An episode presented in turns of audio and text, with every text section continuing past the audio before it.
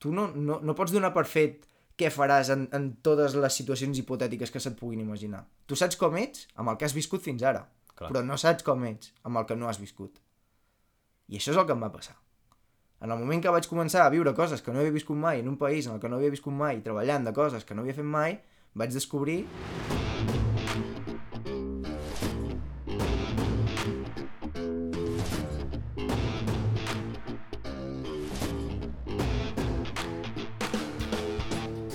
Benvinguts al Power Monday Podcast. Soc en Pau, el teu apassionat de salut, inspiració i ciència, i estic molt agraït de que estiguis escoltant aquest episodi.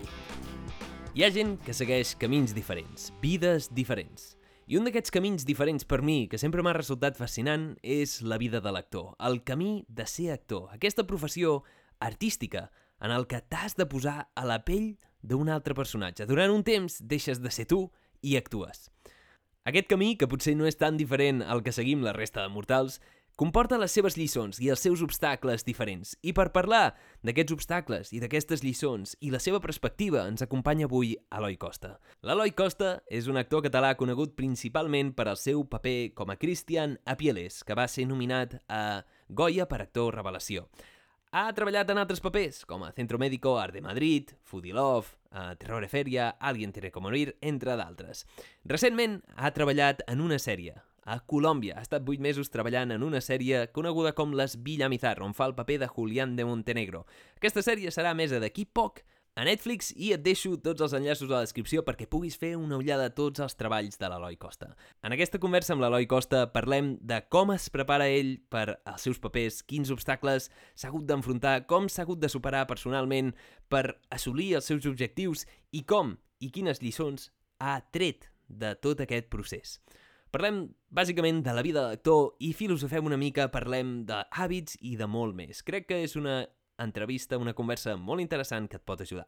Abans de que escoltis aquesta conversa, deixa'm fer-te un avís. I és que arriba un moment en la conversa en el que demostrem la nostra falta de cultura. Un moment en el que volem parlar de René Descartes i ens confonem i l'anomenem Sòcrates. És un error tan gran que el meu avi s'arrencaria els pocs pèls que li queden al cap, demostrant la nostra incultura en el regne de la filosofia. Tot i això, m'agrada mantenir aquesta part de l'episodi, perquè crec que el missatge en el que girem en aquella part de la conversa és prou interessant com perquè n'extreguis alguna lliçó o algun concepte. Així que cada cop que anomenem Sòcrates en aquest episodi, en realitat ens estem intentant referir a René Descartes. Sí, vivien en èpoques completament diferents, però en aquell moment de la conversa no ens en vam recordar. Així que quedeu avisats i espero que el missatge quedi clar i que us pugui inspirar d'alguna manera o altra. Abans d'anar a escoltar la conversa amb l'Eloi Costa, deixa'm fer-te un petit recordatori. Si us plau, si creus que aquest contingut t'inspira d'alguna manera i pot ajudar a alguna altra persona, comparteix-lo, fes arribar la paraula a Power Monday Podcast més lluny i m'ajudaràs moltíssim a créixer. Et recordo que em pots escoltar a diferents plataformes, Apple Podcast, Google Podcast, Spotify, on tenim-ho, on em valoris i em posis un m'agrada. També em pots trobar a iVox i també a Instagram, arroba Power Monday Show, on tenim-ho també que em segueixis. Dit això, tens tots els enllaços a la descripció si els vols consultar. I ara sí, anem a per la conversa amb l'Eloi Costa.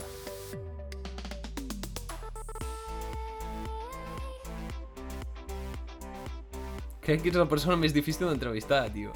Per què? Perquè... Si em coneixes, Perquè et conec massa. bueno, No sé, no sé què preguntar-te, tio. És com... Entrevistar un germà, tio. com els teus germans no els entrevistaries? No. Seria raro. Seria raro, però seria interessant potser també, tio. Moltes vegades passa que tu creus que coneixes molt bé una persona i potser no has parlat suficient amb ella. Sempre t'has de donar l'oportunitat de conèixer encara més a la gent, tio. Ja. Bueno, potser un bon punt on començar aquesta entrevista és que ens expliquis com ha sigut la teva carrera. I no m'agrada parlar de la carrera, potser que ens expliquis com ha sigut el teu viatge, el viatge potser amb aquesta professió una mica diferent. Mm, Com va començar tot i quins són els teus orígens? A veure, això ve bastant de lluny i em ve de família, evidentment. Ve sobretot a través de la meva mare. Tenia... mm, Primer record que tinc, segurament tenia 8 anys o així, quan, quan conscientment dintre meu hi va haver alguna que, que, que jo recordi que per primera vegada em va cridar l'atenció. Va ser una obra de teatre quan la meva mare estava fent l'ajudantia de direcció i va ser un, era una obra de teatre on en una de les funcions jo hi vaig anar per darrere. Per darrere vol dir Mm, no, backstage. backstage. S'estava fent la funció i jo estava al darrere veient com entraven els actors a escena, com sortien, com es preparaven des de darrere, com preparaven les escenes o es canviaven de vestuari, els hi posaven o vessar o, o coses. Veia una mica el, el rotllo, l'ambient que hi havia, lo bé que s'ho passaven i em va cridar molt l'atenció. Em va agradar molt. Aquell dia m'ho vaig passar molt bé. Em va, em va divertir molt aquell ambient i vaig... No sé, jo crec que allò va ser la primera llavor de... de que, de que jo potser em comencés a plantejar si, si allò potser em cridava suficient l'atenció com, per almenys d'entrada, fer-ho jo, encara no, que no sigui a nivell professional, sinó Mhm. estar allà, fer-ho, fer-ho. Com jo vull que això estigui a la meva vida. Des dels 8 anys potser tenia. I, Hòstia. i en realitat ja portava fent, típic teatre de col·le, ja portava fent des de des d'abans d'aquell moment. L'únic que va ser aquell dia, que jo recordo, que em va cridar especialment l'atenció. Mm. Vas Va tenir ser- com, com una revelació, una mica. Sí, va ser, no sé, va ser, pues, no sé, saps aquelles coses que a vegades et criden l'atenció, no saps mm, el motiu especial, és, no, hi ha algú que, que t'atravessa i, i que, que se't queda dintre i jo crec que a mi va ser en aquell dia. O sigui, a partir d'aquí podem dir que vas tenir un amor per l'art, et vas enamorar. Sí, I la meva pregunta seria, quan va ser que vas començar a veure viablement dedicar-te professionalment a aquesta feina? És com una carrera una mica diferent a la que estem acostumats. La carrera d'actor sempre m'ha sobtat, i totes les de l'art en general, perquè no són la típica feina que la majoria de gent fa cada dia. Potser li agradaria molt a la gent fer-la, però és diferent. La feina d'oficina, treballar de paleta, treballar de bomber... Són feines completament diferents, però més o menys es centren en la productivitat. En canvi, les arts o ser actor és diferent. Què ens, què ens pots explicar d'aquest tipus de feina i quan vas veure que et podies començar a dedicar d'això? A veure, el primer que diré és que, com tu bé has dit, i que no m'estranya gens que ho pensis així, però la gent realment creu que és molt diferent entrar en aquest món a, a, la, a altres tipus de feines, o quan tu estudies una carrera i seguit busques la feina i, i et contracta una empresa o el que sigui, mm, és diferent, però tampoc tant, vull dir... Ja. Uh, el complex d'aquesta professió és que pot haver-hi gent que no ha estudiat. Que això, en la majoria de feines del món, és impensable. Tothom necessita una formació. I segurament tu veuràs que hi ha molts actors que no s'han format i que treballen, però la realitat és que per ser actor també t'has de formar. També es fa una carrera d'actor, que és la carrera d'art dramàtic. Mm -hmm. I lo recomanable sempre és formar-te, et formes, és el que vaig fer jo. Jo tinc una formació d'actor. Vaig anar a dues escoles de teatre que m'hi- vaig dedicar una a tres anys i l'altra a dos i, i va ser el meu primer pas i és realment el primer pas de la majoria d'actors i d'actrius. Tu et formes i quan acabes, després et busques la vida. Mm -hmm. I això és la vida d'un actor i segurament és la vida d'un informàtic, d'un enginyer o d'un paleta o de qui sigui. Primer formar-se i després trobar la feina. En aquest sentit, la gent creu que és molt diferent i no ho és tant. Ja, Però sí que hi han coses que no són iguals. Ja. Una de les coses que, que sí que és diferent és potser el que parlàvem un dia tu i jo, l'estabilitat de, la- Exacte. de la feina. Uh, estem acostumats a viure de dir, bueno, entro en una feina i m'estaré aquí tota la vida, si puc, però la vida d'actor va com més a projectes i una mica diferent. Eh, segurament, probablement sigui la feina més inestable, no m'atreveixo a dir del món, Ja. però una d'elles segur. Ja. Segur, perquè de fet hi ha estudis, hi ha molts articles que parlen de que el, en el gremi dels actors hi ha més d'un 95% de paro.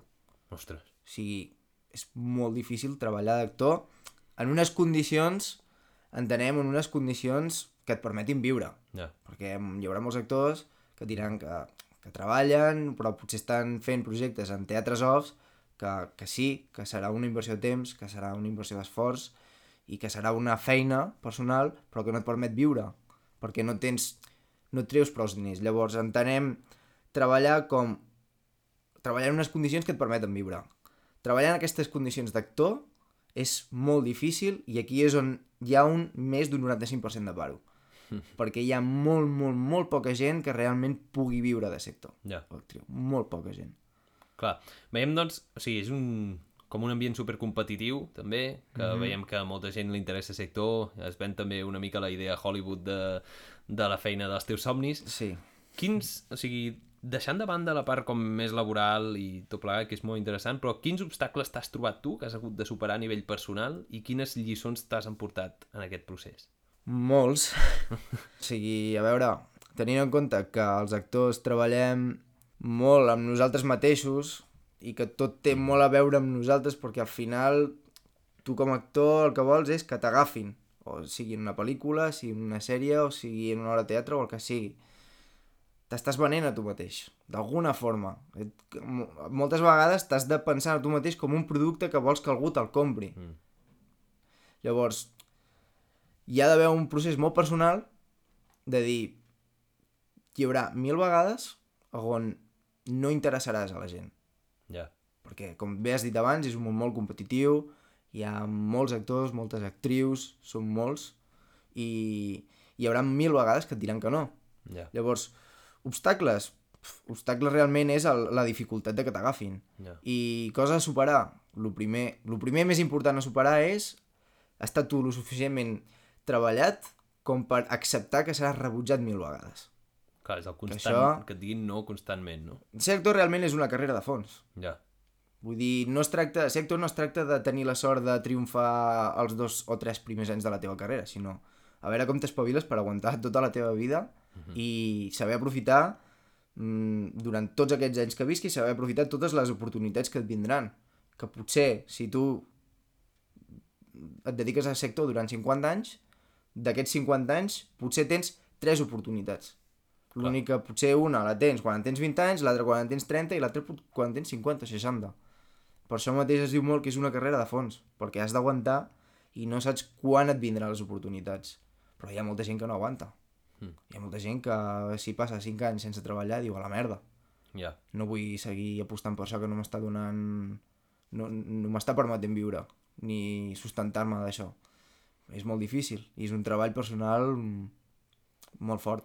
Clar, ser una situació complicada i veig que si, si a més a més relaciones una mica l'autoestima amb si t'accepten o no en certs papers, que et rebutgin, igual hi ha certa gent que li pot afectar molt emocionalment. Com... A la gent de normal, si no estàs preparat Mhm. i conscienciat, et pot afectar molt. I hi ha gent que li afecta molt. I com et prepares per, en plan, perquè et rebutgin? Perquè et diguin que no? Vas, Bueno. amb, vas amb la idea de que ja et diran que no i després si et diuen que sí és com un plus? Pues jo, mira, al principi els primers càstings que jo feia, evidentment, m'afectava si, si, si em deia que no, perquè hi ha un problema d'això, que és que t'il·lusiones. Ja. En el moment que t'arriba un càsting, et llegeixes el personatge, si el personatge, a més a més, T'agrada, no? t'agrada i d'alguna forma veus que hi encaixes, és impossible no il·lusionar-se. Ja. És impossible. Ja, tu ja t'hi veus, tu llegeixes, tu ja t'hi veus. I ja et veus actuant, ja et veus estrenant la pel·lícula, ja et veus triomfant amb això. És com que el teu cap va 50 passos per endavant i no ho pots evitar. Doncs, diguem-ne que quan, després de que em diguessin que no moltes vegades, Mhm. vaig aprendre que aquest, aquesta era una forma bastant errònia de prendre's una prova. Perquè sempre hi ha molt poques possibilitats de que t'agafin. Il·lusionar-te t'il·lusiones igual, però jo els càstings ara ja ho veig com una oportunitat d'anar-m'ho a passar bé. És a dir, per mi lo important ja no és anar al càsting perquè m'agafin, que si passa, perfecte, és el que jo vull, realment. Clar, clar. Però abans, per mi no era suficient. Vull dir, abans el que m'importava era fer el càsting perquè m'agafessin, i ara ja no. Ja. Ara jo ja és, faig un càsting per disfrutar-lo, i després que sigui el que hagi de ser. Ja no és... O sigui, que m'agafin ja no és condició per fer el càsting i, i, i disfrutar el càsting, perquè si no et frustres, és que és impossible. Tu no pots controlar que t'agafin, encara que la prova et surti perfecta, no pots controlar, no pots... No ets tu qui decideix. Clar. Llavors, el millor que pots fer en aquests casos és agafar la prova amb il·lusió. La, la il·lusió no s'ha de perdre, però des d'un altre lloc. Has de canviar, has de canviar el lloc. Clar, canviar aquest enfocament i És una que hi mica... ha molta gent frustrada. O sigui, també Ja. el, el gremi, el nostre gremi és, un, és una professió bastant coneguda per, per haver-hi molta gent frustrada. Clar.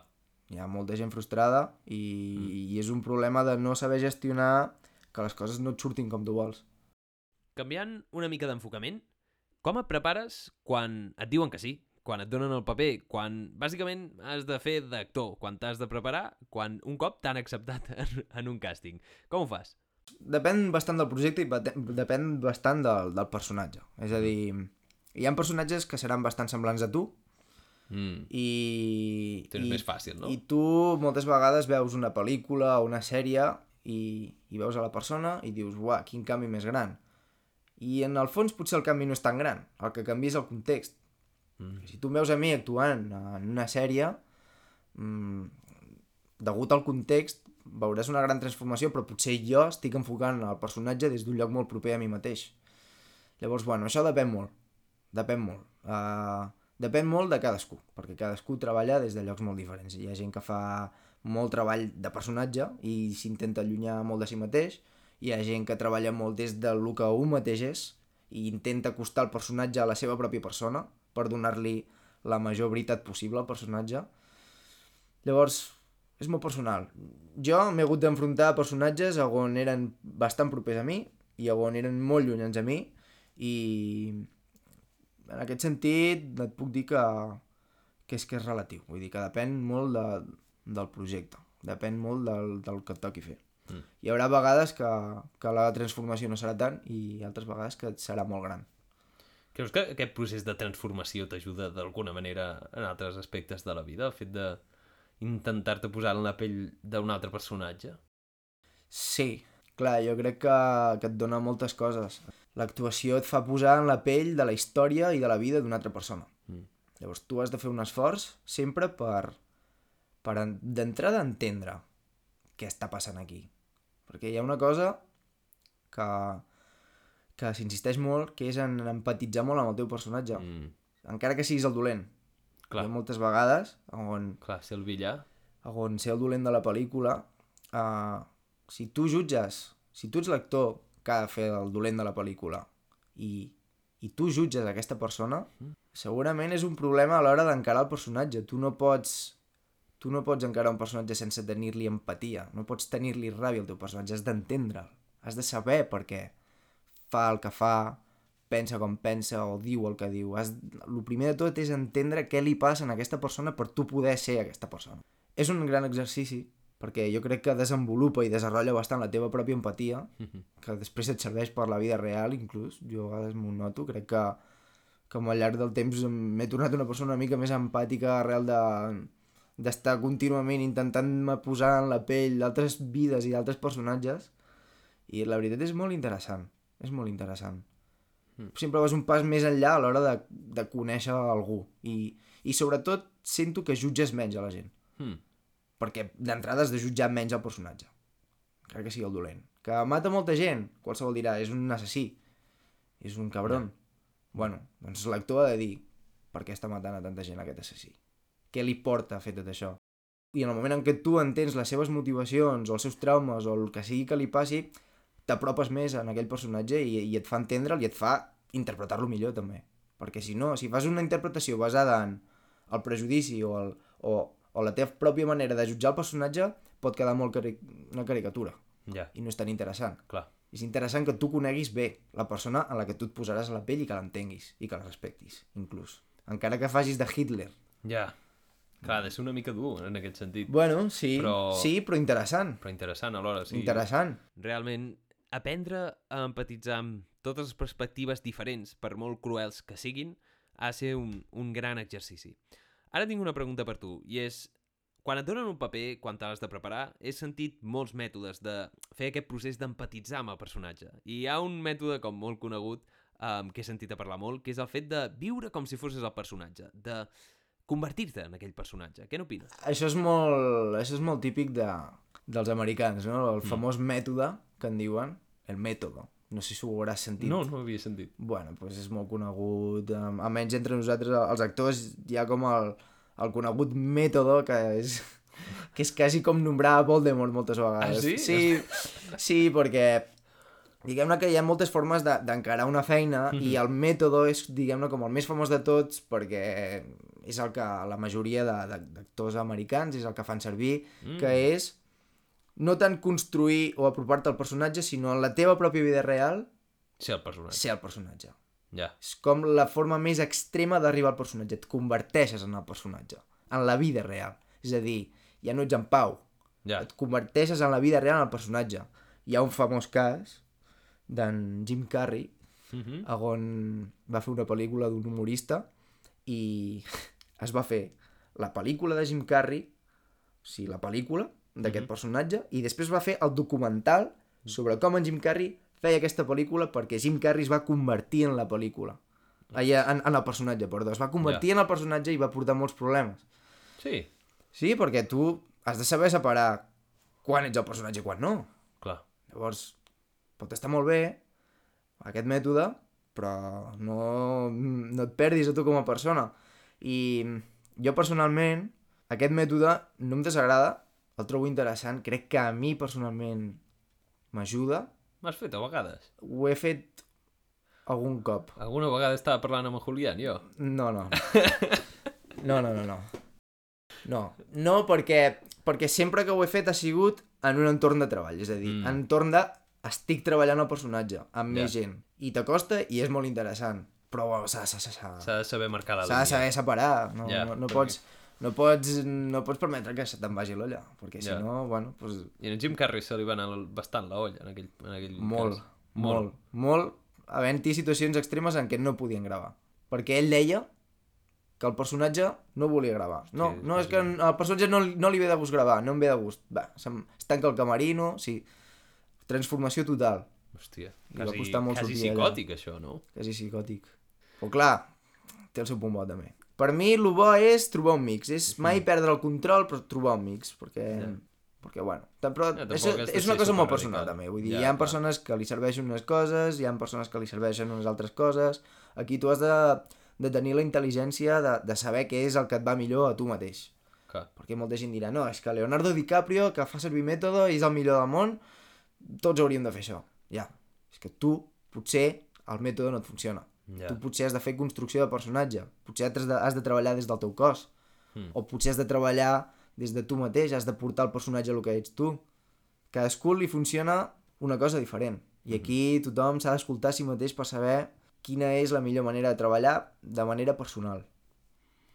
Hi ha una cosa que, que fa temps que penso i és que actuar, o sigui, el fet d'impersonar altres persones, aquest procés d'empatitzar amb altres personatges, crec que també pot ajudar-te com, com a persona.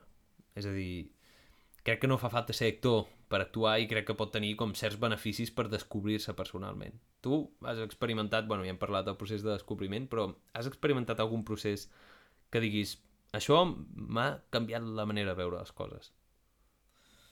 pues, mm, no recordo com un moment en el que de cop i volta digués "Ma, això m'ha fet canviar la forma de veure les coses, però suposo que d'alguna forma al llarg del temps ho ha, ha passat. Mm. Si no sóc conscient d'un moment Ja. que passés alguna així, però, però, però estic segur que, que de forma inconscient m'ha passat, perquè est- estàs tota l'estona posant al servei d'altres vides i d'altres persones.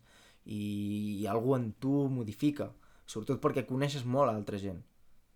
I no conèixer altra gent en plan de hola, què tal?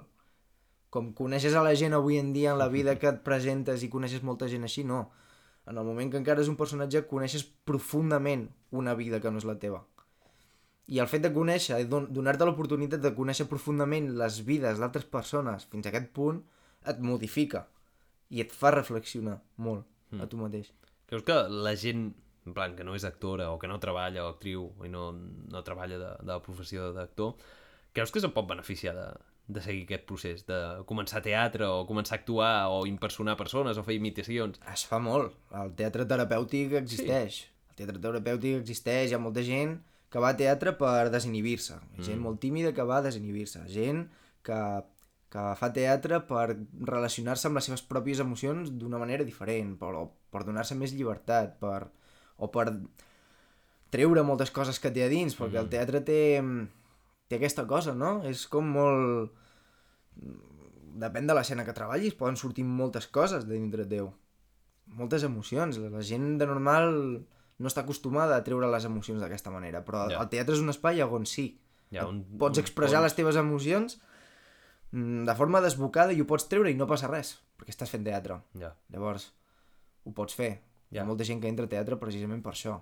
Clar, molta gent que està molt Però reprimida això ja és quasi amateur o terapèutic, eh? També et Ja. dic que s'ha de separar... el- Una cosa és el teatre amateur terapèutic i una altra cosa és el teatre professional. Que de normal, això és important diferenciar-ho, perquè hi ha molta gent que s'apunta a teatre professional on un vol formar-se de veritat i vol Ja. fer projectes de veritat i de cop i volta arriba una altra persona amb un drama de l'hòstia que dius, aquest no és l'espai, tio.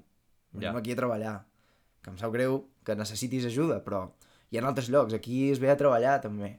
Que tampoc vull ser tan dur ni tan fred, però sí que passa a vegades que un ve amb els seus traumes, amb els seus drames, i no permet que un grup es desenvolupi com ha de ser. Vull dir, Ja. és que, que està bé, però s'ha de saber separar les coses. Clar, està bé com a eina, però... La Està bé com a eina, però separant una mica. És una altra història. Separant una mica, sí. Clar. Canviant una mica de tema i tornant a la teva experiència real, uh, fa poc has tornat de Colòmbia, després de... Bueno, fa poc, fa uns mesos ja, has tornat de Colòmbia després de gravar un- una sèrie. Com ha sigut aquest procés? Que, quins obstacles t'has trobat? Has hagut de viure fora d'un altre país i, i Sí. fer un nou personatge completament? De fet, la sèrie estarà a Netflix d'aquí poc. Digue'ns, oi, què ens pots explicar d'aquesta sèrie? Bueno, aquesta, aquesta sèrie va sortir molt de sorpresa. Mm. El projecte em va arribar a través de d'un amic on a ell li va arribar el càsting i em va demanar a mi que li, li donés la rèplica. És a dir, en el seu càsting, oh. gravat en vídeo, necessitava que l'altre personatge que sortia en el guió li donés un noi jove, perquè ell era un personatge que tenia... era el dolent, uh -huh. i era un personatge d'uns 40 anys, i li donava la rèplica al seu fill. Llavors em va cridar a mi i em va dir, mira, necessito que, que algú em doni la rèplica, fes-m'ho tu, si plau i com a agraïment per ajudar-me, doncs, en el càsting gravarem també plànols teus, perquè sortis en el càsting. I a veure, doncs jo què sé, s'envia a Colòmbia i ja que passi el que hagi de passar. I va ser així, o sigui, realment no estava fent jo el càsting, estava ajudant un col·lega i el que va passar és que va agradar molt el càsting i ens van agafar tots dos. Hosti, que bé. Hauria sigut molt dramàtic que t'haguessin agafat a tu i a l'altre no, no? I ha, ha passat, eh? Ha passat. passat. Això són Ja. coses que a, a vegades ha passat. I és una putada per l'altra persona, sobretot. Fes-me la rèplica i t'agafen... Afortunadament a va ser tots dos. Va ser un Que pleno, va ser un pleno. I, pues res, va ser una d'aquestes coses increïbles que passen a vegades perquè. Clar, jo no m'ho esperava. De cop et trobes que has d'agafar un avió, sis mesos has fet a Colòmbia per gravar una Exacte. sèrie que es diu Las Bellamizar. Les Villamizar. Um, com és aquest procés? Uh, bueno, va haver la gran putada de que això va agafar la pandèmia. Hòstia, és veritat. Ens van dir que sí, a tots dos, i acte seguit es va parar el món. Llavors van passar molts mesos, mm, com 6 o 7 mesos, sense notícies. Mhm. Jo ja oblidant-me del tema, gairebé, ja donant per fet que això no sortiria.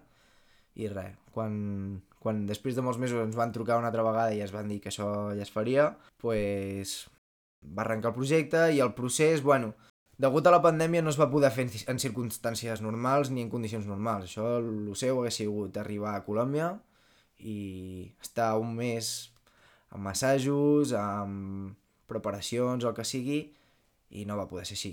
O sigui, va ser arribar a Colòmbia i a molt poques setmanes vam començar a gravar directament i jo vaig començar a gravar amb uns companys que no havia conegut abans. Tots els meus companys de Colòmbia no els coneixia d'abans. Que el normal és que hi hagin assajos. N'hi van haver, però van ser tots online. Hòstia, Llavors, que canvia una mica, no? no és el mateix. O sigui, online està bé, hi ha una toma de contacte, però no estàs cara a cara. Els actors assagem sobretot cara a cara. I va ser un procés pues, adaptat a les circumstàncies. Les circumstàncies de pandèmia. Sí que allà a Colòmbia pues, van poder fer una mica de classes d'esgrima, equitació, que requeria la sèrie, no? perquè és una sèrie d'època, i pues, vaig haver de gravar lluites amb espases, amb sable, escenes a cavall, escenes d'acció, però molt poc, molt poc. I, i en quant a personatge, um, va ser tot durant molt sobre la marxa, és a dir, jo sentia que vaig començar a descobrir el personatge quan portava potser un mes i mig gravant. Ja. O sigui, el primer mes de gravació anava fent el personatge sobre la marxa. I ja, ja l'estava gravant, eh? Però no vaig tenir aquest procés amb el director i amb els meus companys per preparar-m'ho bé, llavors va ser tot sobre la marxa. Però el que passa és que com que era una sèrie diària, gravaves de dilluns a dissabte durant moltes hores, passaves moltes hores amb el personatge, realment permetia treballar-lo molt. I al final, al final ja el tenia molt bé, Mhm. al cap d'un temps. També és important tenir els teus referents, dir qui et recorda el personatge, en què et pots basar, això passa molt, els actors ho fem molt. Si tens una persona, a la vida real, algun conegut que et recordi el personatge, o potser hi ha un altre personatge d'una altra pel·lícula sèrie que t'inspiri per aquest, o... Llavors, et nutreixes de tot el que pots, de tot, de tot el que tens al teu abast. I agafant d'aquí, agafant d'allà, mm, i tu amb el guió, i analitzant una mica les coses, i treballant tu amb el teu cos, vas fent. Llavors, va ser... Sento que el procés de Colòmbia va ser bastant personal. Mm. No tant treballant amb el director i amb altres perquè no hi va haver el temps. Va, sento que va ser una construcció bastant personal. Era la primera vegada que treballaves en un format sèrie que ja no era tan pel·lícula o ja havies fet alguna cosa? És una cosa completament nova. Havia fet cosetes, però com aquesta cap. Ja. Perquè és telenovel·la, Un gran projecte, això. és un personatge molt gran Mhm. i molt important en la història i, i era la primera vegada que m'enfrontava a un volum de feina com aquest, perquè ja no, en el cas de Colòmbia, de la sèrie de Colòmbia, no era només fer un personatge important, Ja. era el fet de gravar de dilluns a dissabte en jornades laborals que potser duraven 12-14 hores i després de passar-te tot el dia gravant arribes a casa teva que qualsevol persona normal sopa i se'n va a dormir o fa el que vol, jo havia d'arribar i posar-me a estudiar 8 o 9 seqüències per al dia següent. Mm. I, evidentment, la gent espera el dia següent que tu arribis amb tot això de memòria. Llavors, eren moltes coses. Va, Va, ser, va ser molt intens. No? va ser molt intens i és molt cansat. I a part, vivint en un altre país completament Vivint en un altre país, diferent. sí. I el primer mes va ser bastant dur perquè era un procés d'adaptació al 100%. Ja. Adapta't a la feina, que no és fàcil de per si. Has de conèixer... D'entrada és un equip nou de molta gent, perquè en un rodatge hi ha molta gent, i a sobre eren dues unitats de rodatge. En una unitat de rodatge hi ha tot un equip complet, amb els seus sonidistes, els càmeres, director, ajudes de direcció, les de vestuari, maquillatge... D'un, això, d'una unitat. I de l'altra unitat és el mateix mm, o sigui, el mateix, és a dir, tot un equip complet. T'havies d'adaptar a conèixer dos equips complets d'unitats de, de rodatge. I enfronta't a mm, tot, tot, totes les seqüències que has d'actuar i en, una, en un plató que no has estat mai, en un ambient que no has estat mai, un país que no has estat mai, uh, tenir els papers en regla, que també era un tema, uh, arribar a casa, tenir menjar, conèixer la ciutat mínimament... Vull dir, va ser un procés d'adaptació que t'exigia molt, com a persona. Vull dir, perquè no... eh, Arribes allà i no tens res i tot és nou i tot és gran i tens molta feina i dius, uau, i tens poques hores per dormir a sobre. I hi ha jet lag, també. Ja. És canvi d'horari. Va ser com canviar de planeta. quasi va, Va ser, ser va, dur, va no? ser quasi canviar de planeta. Tot era nou. Tot Clar. era nou. I tant canvi, tant estrès, però al final et va causar una adaptació i vas notar que com que pujaves a un altre nivell o vas seguir carregant aquest estrès? O sigui, T'adaptes. t'adaptes. T'adaptes. El cos s'adapta. És a dir, és a dir, passes per el procés, però finalment t'adaptes. Mm. El primer, el primer mes ja em sentia bastant adaptat, sobretot en l'àmbit laboral. Mhm. Vull dir, tot el que era fora de la feina, tot el que era Bogotà, Colòmbia, el menjar de Colòmbia, mm, la forma de funcionar al país, sento que em va costar una mica més d'adaptar-me, però el que ve a ser l'equip de treball, o sigui, la feina, em vaig adaptar bastant ràpid. Quan portava a la segona setmana rodant, ja donava la sensació que ho portava fent dos mesos. Ah, això està Vull bé. dir, de seguida, tot i la dificultat, em vaig, sento que em vaig adaptar molt ràpid allà. L'altre, tot el que té més a veure amb la vida fora de la feina, va ser un procés un pèl més lent, però que també em vaig acabar adaptant. Quina, quina seria la lliçó més gran que has après en aquest procés? O les dues lliçons, si vols. Colòmbia em va ensenyar que és molt important treballar-se un mateix. és molt important treballar-se un mateix perquè són tantes les situacions que has d'enfrontar que jo vaig descobrir a l'hora d'enfrontar totes aquestes situacions d'alguna forma vaig descobrir qui era jo entre cometes és a dir com que tot era nou tot era nou per mi i, i, i la forma de jo reaccionar a aquestes coses noves era una forma de, de saber també com l'Eloi és davant d'aquestes situacions, situacions en les que no havia estat mai. Clar. I per tant descobria coses de mi que no sabia. i, i aquí vaig dir, uau, que important és conèixer a un mateix. Clar, arribes I amb un... 27, 28 anys, que tu fàcilment dius, a aquesta edat, jo ja sé com sóc. Ja. És molt fàcil que la gent pensi per si mateixa que ja saben com són. I és un error molt gran. Mhm. Tu, o sigui, tu no tens ni idea de com seràs amb 30 o 40 anys i, i, i ni tan sols saps com ets ara perquè tu no, no, no pots donar per fet què faràs en, en totes les situacions hipotètiques que se't puguin imaginar. Tu saps com ets amb el que has viscut fins ara, Clar. però no saps com ets amb el que no has viscut. I això és el que em va passar. En el moment que vaig començar a viure coses que no havia viscut mai en un país en el que no havia viscut mai, treballant de coses que no havia fet mai, vaig descobrir com era jo en una situació molt diferent. I em vaig conèixer millor.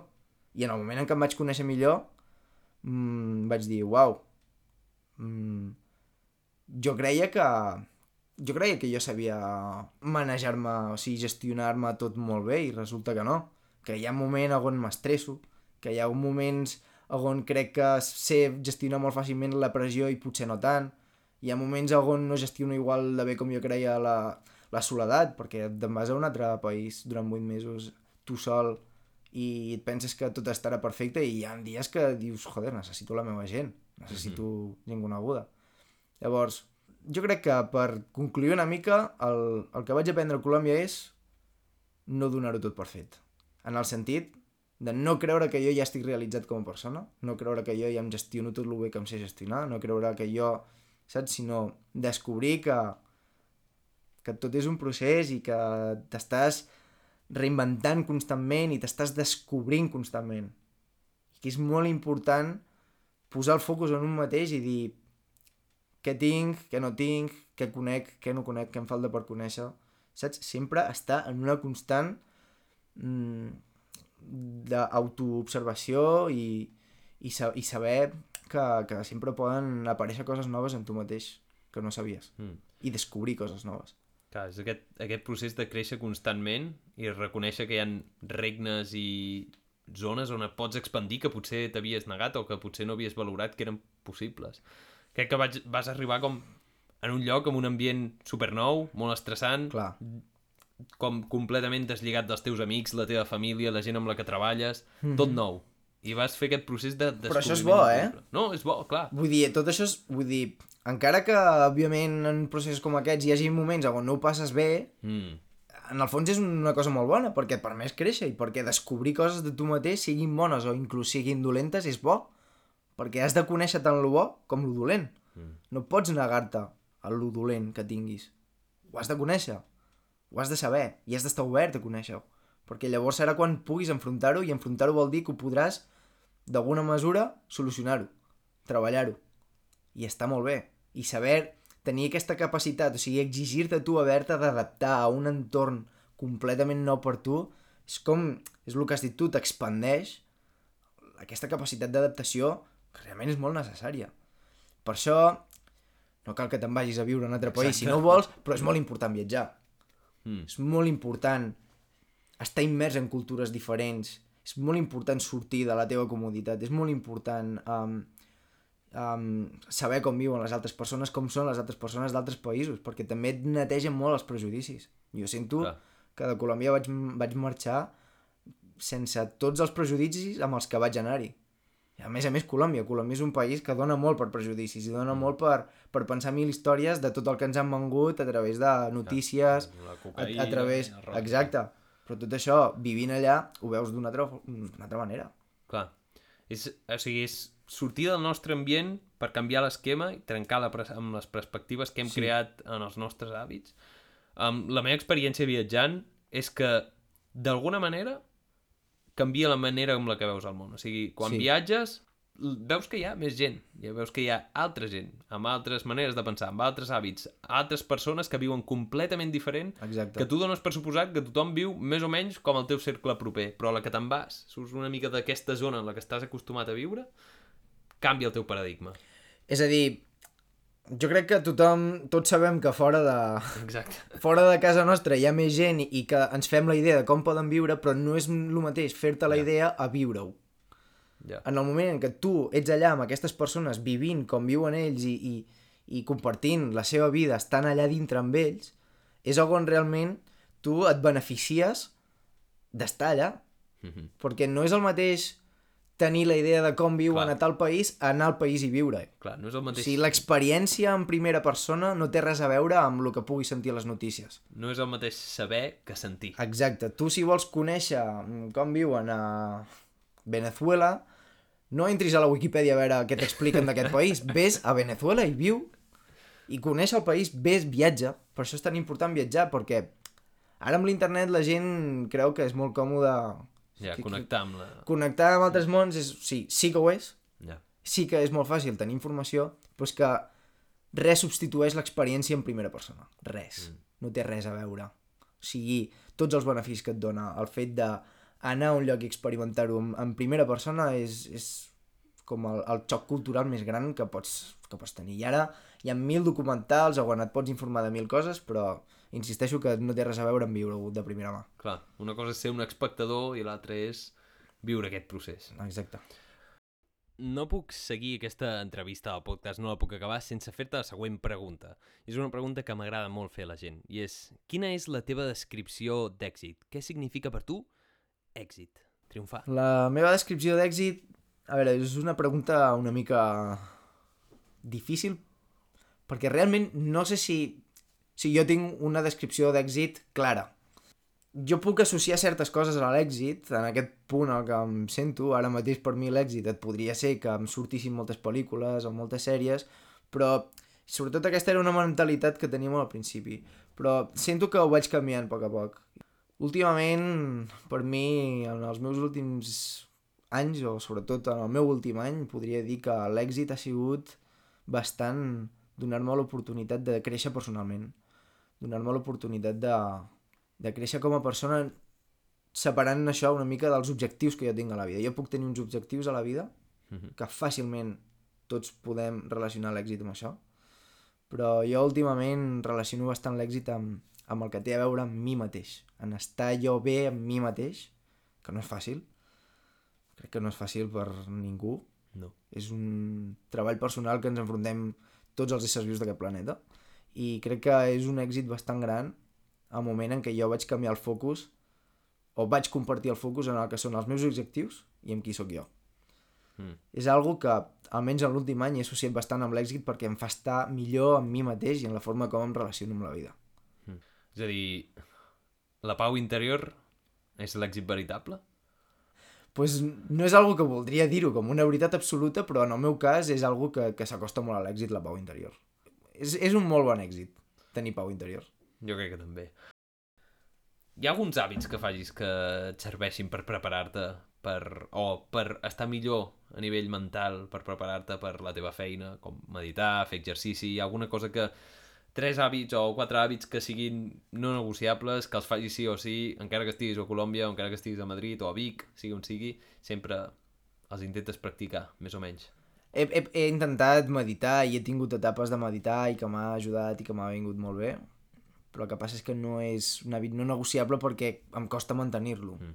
M'agradaria fer-ho sempre, però sento que va més aviat per etapes. Hi ha etapes que medito més i n'hi ha altres que medito menys. Diria el mateix amb l'exercici. Clar, a Colòmbia, per exemple, no tenia temps per, per fer exercici. Ja. Ho feia a vegades si tenia algun dia lliure, però... Llavors, jo crec que és important d'entrada saber, abans de posar-te a fer hàbits saludables, crec que és bastant important conèixer bastant quins són els hàbits més destructius que tens per eliminar-los. Mm.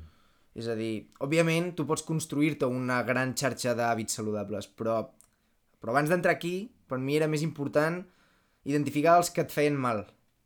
I, mm. i jo sento que més aviat vaig començar per aquí. I, i vaig començar per reduir el que m'estava fent mal. I, mm -hmm. per exemple, vaig descobrir que m'estava fent molt mal passar moltes hores al mòbil.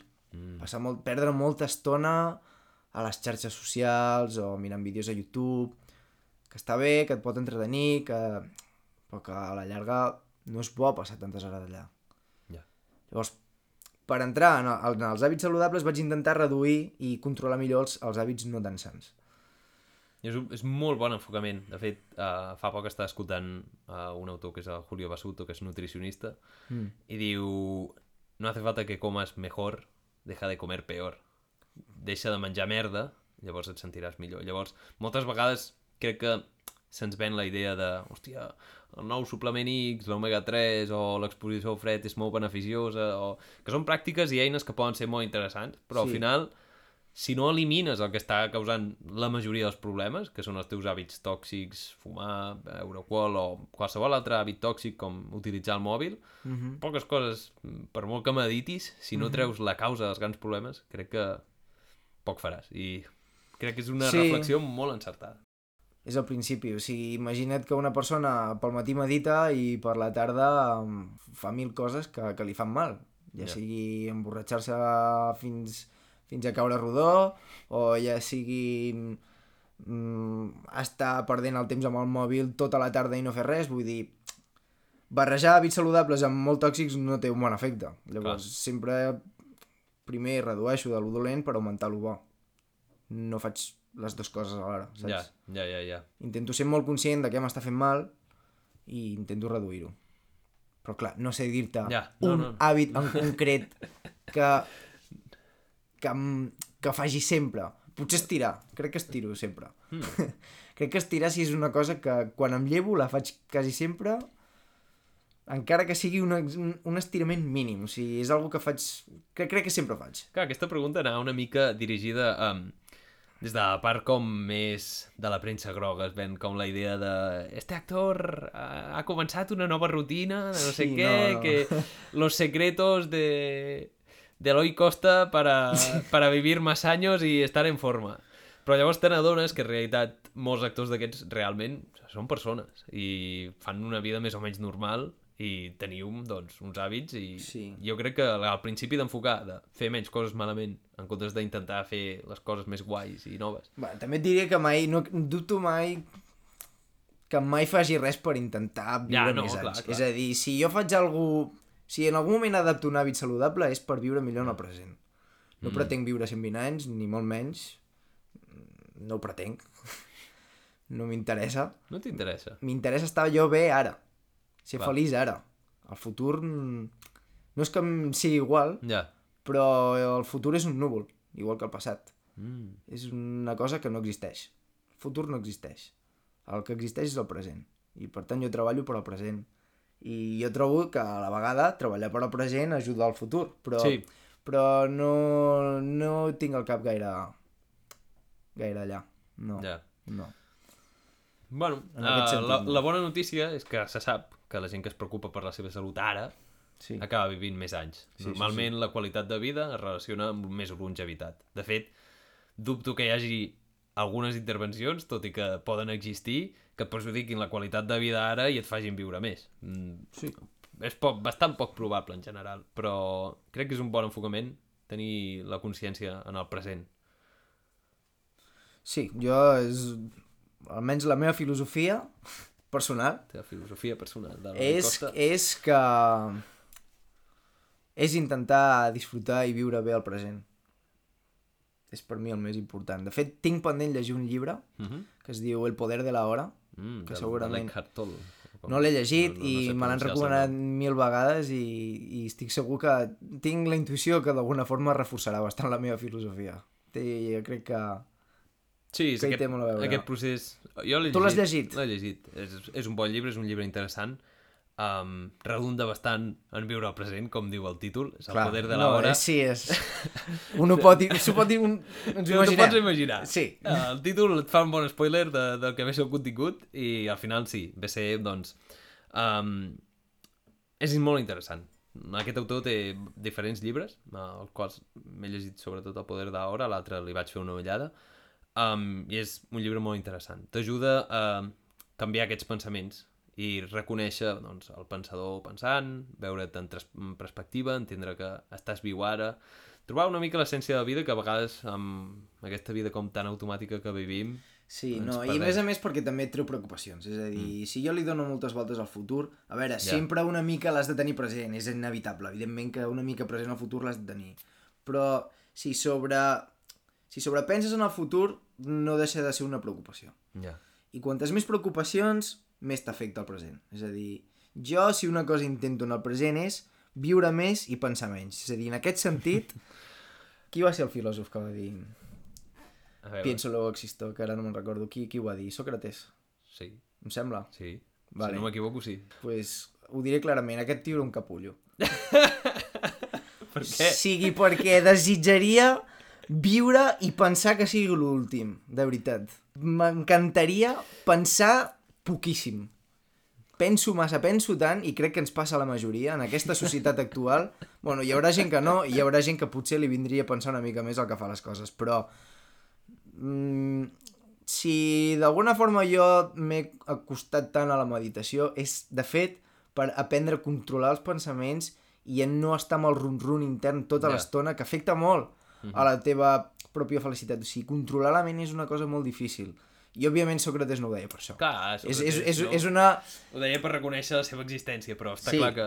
era, això ho he fet una mica per la broma, no? Sí. Però, és a dir, és a dir, per entendre's, ara mateix penso que sobrepensem les coses Moltíssim. i trobo més important viure i, i pensar que sigui en un segon pla.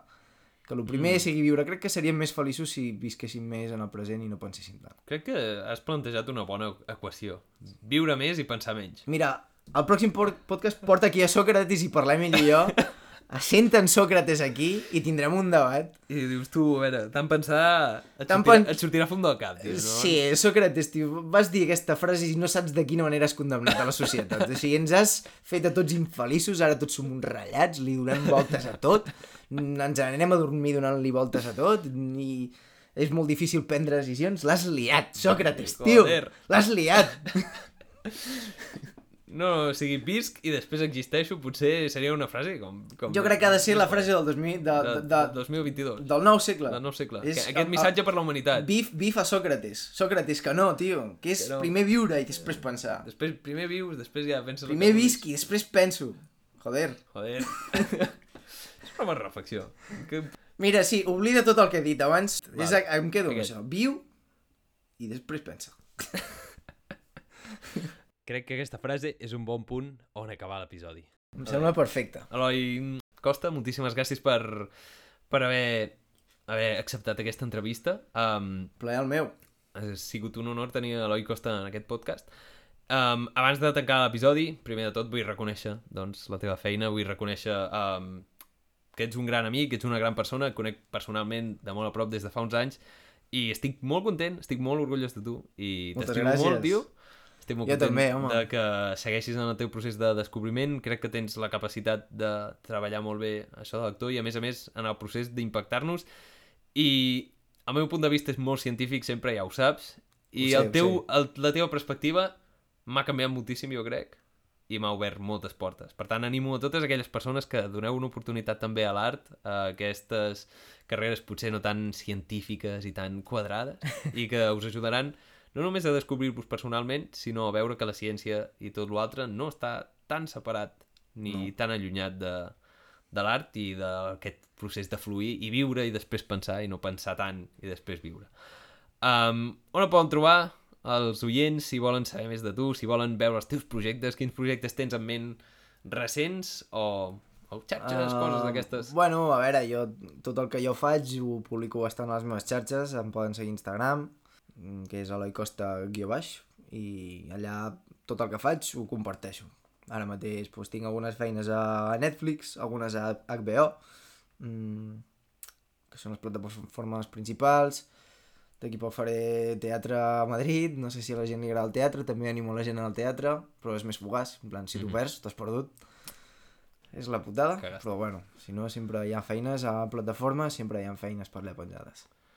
Um, algun projecte que vulguis que la gent es vulgui mirar? Mm, Pompieles, uh, Les Villamizar... Pues Piles la poden veure ja a Netflix o a HBO, eh, les Villamizar molt aviat a Netflix i també Gran estrena. a Movistar molt aviat també hi haurà un nou projecte on també vaig fer un personatge molt especial. Ho posarem a la descripció, enllaços a la descripció per Mundo i Podcast. També publicaré quan surti a les Villamizar i tota la feina d'Eloi Costa per donar-li més visibilitat i espero que us agradi. Tinc ganes de veure el meu amic sortint a Netflix. Moltes Serà ganes. bastant divertit i bastant, bastant interessant i xocant veure una persona tan propera fer, fer un, paper, un paper diferent. La veritat és que Pieles, Pieles em va canviar una mica, va ser, hòstia, què fa l'Eloi? No m'estranya, no m'estranya. També us la recomano molt, crec que Pieles és una molt bona pel·lícula i t'ajuda sí. a treballar, bueno, a veure diferents perspectives. Doncs res, Eloi, alguna última cosa que vulguis dir als oients d'aquest podcast? Mm, jo encantat d'estar aquí. Una forta abraçada a tots els que ens escoltin, gràcies per aguantar-nos tot aquest rato i bona espeva per tothom. Joder. Moltíssimes gràcies a la Costa. Igualment. Per aquest episodi. Ciao. Ei, moltíssimes gràcies per haver escoltat aquest episodi. Espero que t'hagi agradat molt o t'hagi aportat una mica de valor. Recorda, si us plau, si t'ha agradat aquest contingut, comparteix-lo amb alguna persona que creguis que se'n pot beneficiar i m'ajudaràs moltíssim a fer arribar més enllà la paraula del Power Monday Podcast. En aquest episodi hem parlat amb l'Eloi Costa, actor professional, ens explica les seves lliçons i una de les lliçons més importants que he extret jo d'aquest episodi, tot i l'error inculta per part nostra és viu més i potser pensa una mica menys, però sobretot viu.